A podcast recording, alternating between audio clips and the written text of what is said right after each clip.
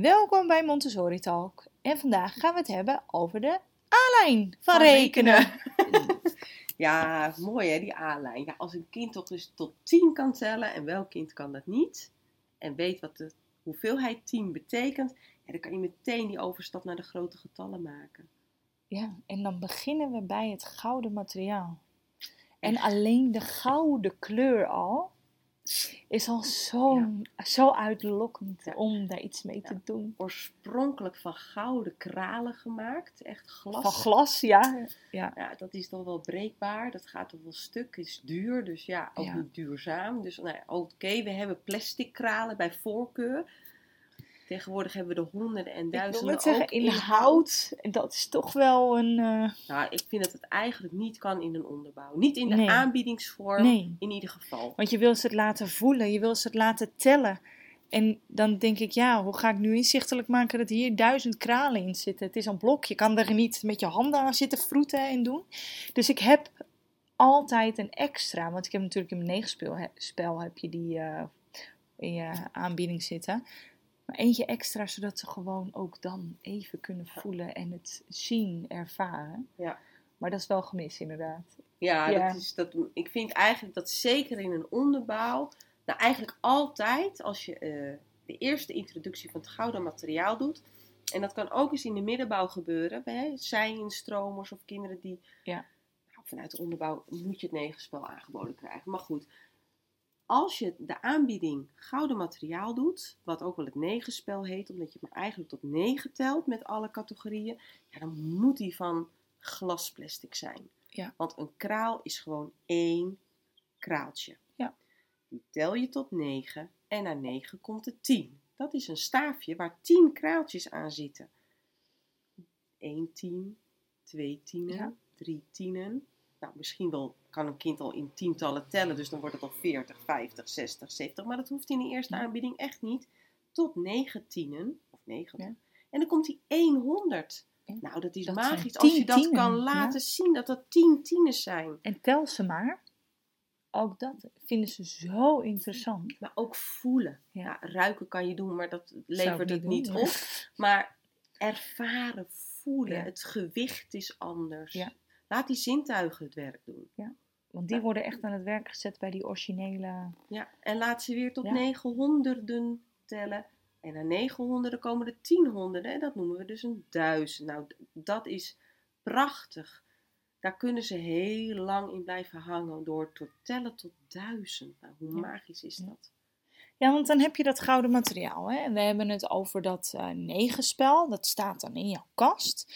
En ik heb dus ook nog een apart setje. Niet zo heel mooi opgeborgen, moet ik je heel eerlijk zeggen, want ik heb geen dienblad. Voor alleen het namenlesje. Ja, dat is, hoort echt bij de A-lijn. En eigenlijk het negenspel ook. Ja. Bij de B-lijn hoort ook eigenlijk het maken van grote getallen en de getalkaarten daarbij gebruiken. Ja. Dus pak maar vierduizenden, zeshonderden, drie tienen en vijf enen. Ja. En welk getal hoort daarbij? En ik vind ook eigenlijk dat als je met de getalkaarten gaat werken, dan kan het kind de tientallen echt als tientallen uitspreken. Ja, anders gebruik je die eigenlijk nog niet. Weinig. Niet op die manier in ieder Nee, geval. precies. Maar het uitspreken van eh, getallen halen en het uitspreken van die grote getallen, ja, dat hoort wel bij de B-lijn. Ja, en dan ga je ook al heel snel twee getallen bij elkaar voegen. Ja. En dat, dat doe je dan met twee getallen waarbij je nog niet hoeft te wisselen. Nee, want daar start je nooit mee. Nee, jongens, nee. Nee. Dat maar- is echt een brug te ver. Drie enen en Ja. vier enen, hoeveel zou dat samen zijn? Ja. En op die manier kan je echt wel al eh optelsommen maken. Ja. En dat zijn ze ook gewend uit de B-lijn al. Ja. En als je optelsommen kan maken, kan je eigenlijk ook wel keersommen maken. Want als je één keer dat getal hebt, en je doet dat getal nog een keer, dan heb je al twee keer dat getal. Maar dan kan je ook minsommen maken, want we hebben iets en we halen er iets af. En omdat je dat heel handelend doet, is het geen trucje. En dat kunnen die kleuters echt wel. Het is heel inzichtelijk, maakt het voor ze.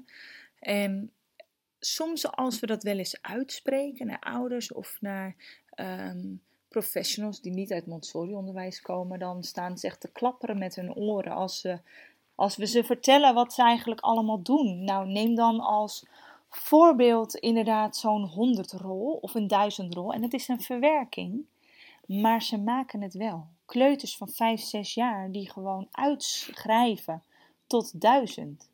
Het gebeurt echt. Ja, met ondersteuning van het Ja. materiaal, hè? Of Absoluut. het gouden materiaal, of de getalkaartjes, of een combinatie daarvan. Ja. Het is ook maar net hoeveel handelingen en het kind aan kan. Of het schrijft of stempelt, hè? Ja, het is magisch. Ja. En het mooiste is, dan is een voorbeeld nu uit mijn groep. Er is één jongen, nou hij is nu bijna bij 1500 bezig. Maar een ander kind, die echt een stuk jonger is, wil dat ook heel graag. En het ehm, mooie is dat je altijd ziet, na 100 lopen ze vast. Hè? Want dan is het 101 en dan maken ze er 110, 120 van. Ehm, maar doordat ze zo erg bij elkaar kijken, gaan ze zichzelf corrigeren met gebruik van het materiaal. Want dan zien ze ineens dat er iets niet klopt. Dus dan hebben ze niet zozeer jou daarbij nodig, maar degene die dat al heeft ervaren, die dat al kan, leert ze het eigenlijk. En daar kan je heel mooi op doorpakken als leerkracht zijnde door daar net even iets meer aandacht verder aan te geven. Maar als je ziet wat voor een effect dat heeft op de andere kinderen, ehm, is die A-lijn echt geweldig. Vind ik dat die meer teweeg brengt bij je kinderen, als je het hebt, hebt over een domino-effect, dan zo'n B-lijn.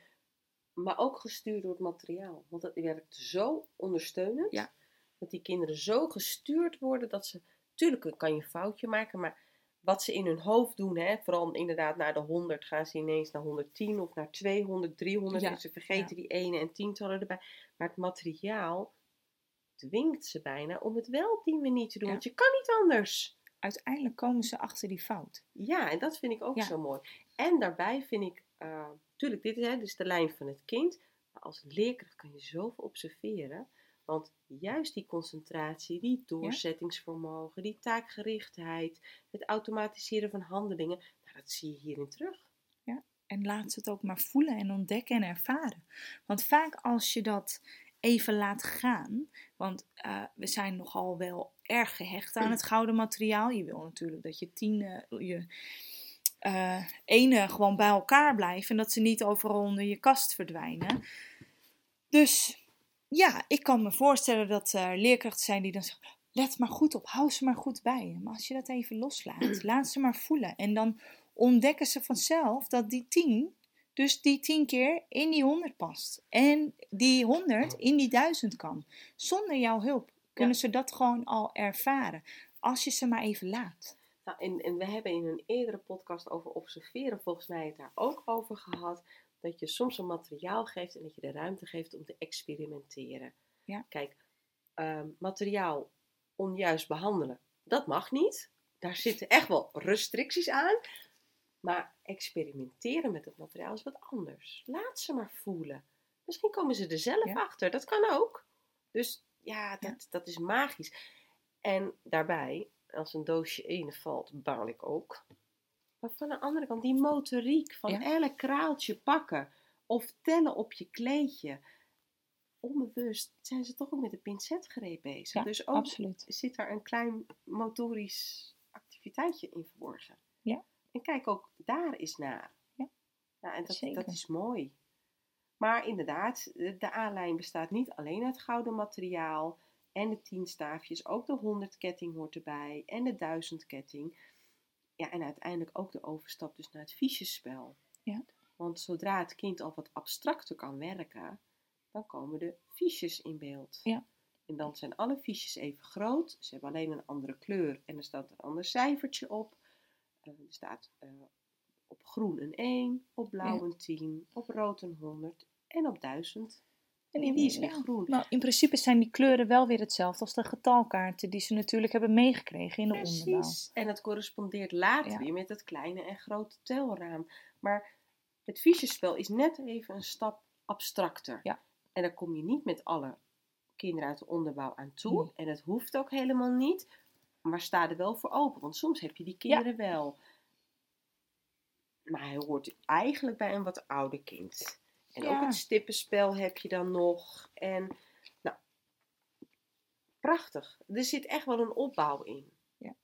Ja, absoluut. En eh, inderdaad, wat jij zegt, ehm, het, het kan zijn dat je dat soort dingen dus wel gebruikt in, die, eh, on, in de onderbouw. Dus zorg ook dat je op de hoogte bent van hoe het precies werkt en hoe je het verder in kan zetten. Want dat is natuurlijk heel afhankelijk van het kind. Ehm, maar wij hebben, ik tenminste, ik heb er altijd een in de klas liggen. Aan het einde van het schooljaar wel. Aan het begin van het schooljaar kies ik er vaak voor om hem niet in mijn klas te hebben, omdat ik dan weet dat ik hem niet gebruik. Net als met Pythagoras Ja. Eerste helft Ja. van het schooljaar. Wisselt een beetje. Ja, omdat ik een keuze maak wat ik in mijn kast zet en omdat ik dat Ja. varieer. Kijk wat het, waar de kinderen in de groep behoefte aan hebben en daar pas ik mijn materiaal op af. Maar inderdaad, ik heb hem wel Ja. bij mijn groepsinventarisatie. Ehm, ik had het net al even over het stippenspel, maar eigenlijk maak je dan ook al de overgang naar de C-lijn. En dat is de lijn van het automatiseren. Ehm, daar horen ook bijvoorbeeld de latjesborden bij. Latjesbord plus, latjesbord min. En vergis je niet, ook het jonge kind is al aan het automatiseren.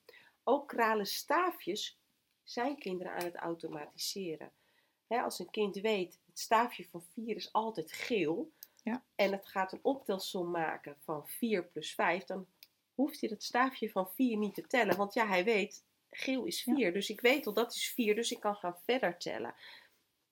Op die, dat is ook automatiseren. Ehm, nou, het latjesbord aftrekken is enigszins Ingewikkeld. ingewikkeld. En Ja. ook is de vraag, is die nog juist op dit moment? Klopt dat nog wel met de huidige manier van werken?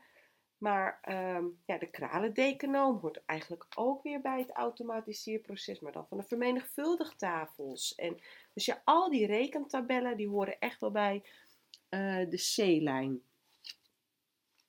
En ja, die automatiseerlijn, dat vergeten we in het Montessori-onderwijs ook nog wel eens even hoor. Het hoofdrekenen, eh, wisselen, Cijferen. cijferen. Ja. Ja. zeker, zeker. Niet te vergeten. Dus ja, die, dat is eigenlijk de C-lijn. En ook het maken van verhaaltjes sommen hoort daar ook bij. Want het gaat ook een beetje over toepassen. En nou, eigenlijk doe je dat in verhaaltjes die je vertelt aan kinderen al. Nou, eigenlijk dus ontzettend veel wat je met die A-lijn en die C-lijn natuurlijk eh, doet en kan doen. Ehm, mochten jullie nou iets hebben waarvan je denkt bij die A-lijn, nou dat zou ik eigenlijk wel erover willen weten. Of eh, ik heb een leuke verwerking, laat het ons gewoon even weten. Vinden we altijd leuk. Dank jullie wel voor het luisteren.